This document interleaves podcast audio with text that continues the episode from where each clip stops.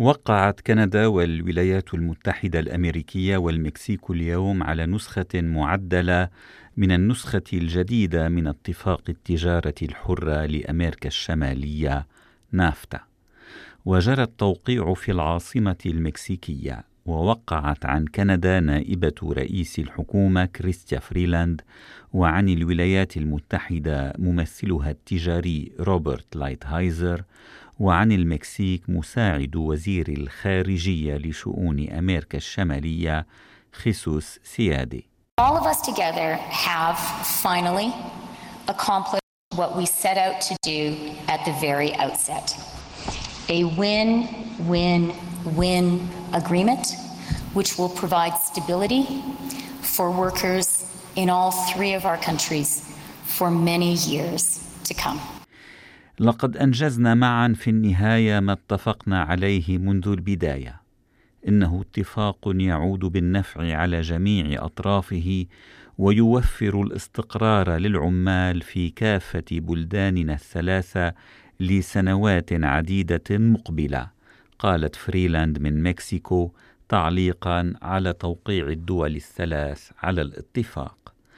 وأضافت فريلاند اليوم اتفقت كندا والولايات المتحدة والمكسيك على تعديلات على اتفاق نافتا الجديد تدعم تسوية النزاعات بين دوله وحماية العمال وحماية البيئة والملكية الفردية وقواعد المنشأ في قطاع صناعة السيارات وتساعد على إبقاء الأدوية الأكثر تقدماً بأسعار بمتناول الكنديين.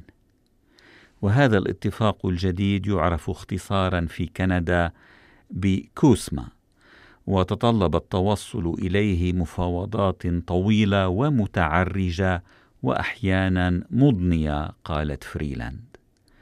وخلال هذه المفاوضات الطويلة والشاقة مارس الوفدان المفاوضان الكندي والأمريكي ضغوطا على الوفد المكسيكي لتحسين معايير العمل في بلاده من أجل تفادي قيام شركات في قطاعي التصنيع وصناعة السيارات بنقل مصانعها إلى المكسيك حيث أجور العمال أدنى بكثير مما هي في الولايات المتحدة وكندا. وتتضمن النسخة الجديدة المعدلة إجراءات أكثر صرامة تضمن تطبيق السلطات المكسيكية الإصلاحات الموعودة في سوق العمل ومن ضمنها الاعتراف بحق العمال في تأسيس نقابات مستقلة. الممثل التجاري للولايات المتحدة روبرت لايتهايزر قال إن الاتفاق الجديد هو أفضل اتفاق تجاري في التاريخ وإنه سيجعل الولايات المتحدة وكندا والمكسيك أكثر ثراء. وفي واشنطن قالت اليوم رئيسة مجلس النواب الأمريكي نانسي بيلوسي في مؤتمر صحفي إن الاتفاق الجديد أفضل بكثير من نافتا وأضافت But in terms of our work here, it is infinitely better than what was initially proposed by the administration. من ناحية عملنا هنا هو أفضل بكثير مما كانت الإدارة الأمريكية الجمهورية قد اقترحته أساسا وتنتمي بيلوزي للحزب الديمقراطي الذي يتمتع بالأغلبية في مجلس النواب الأمريكي.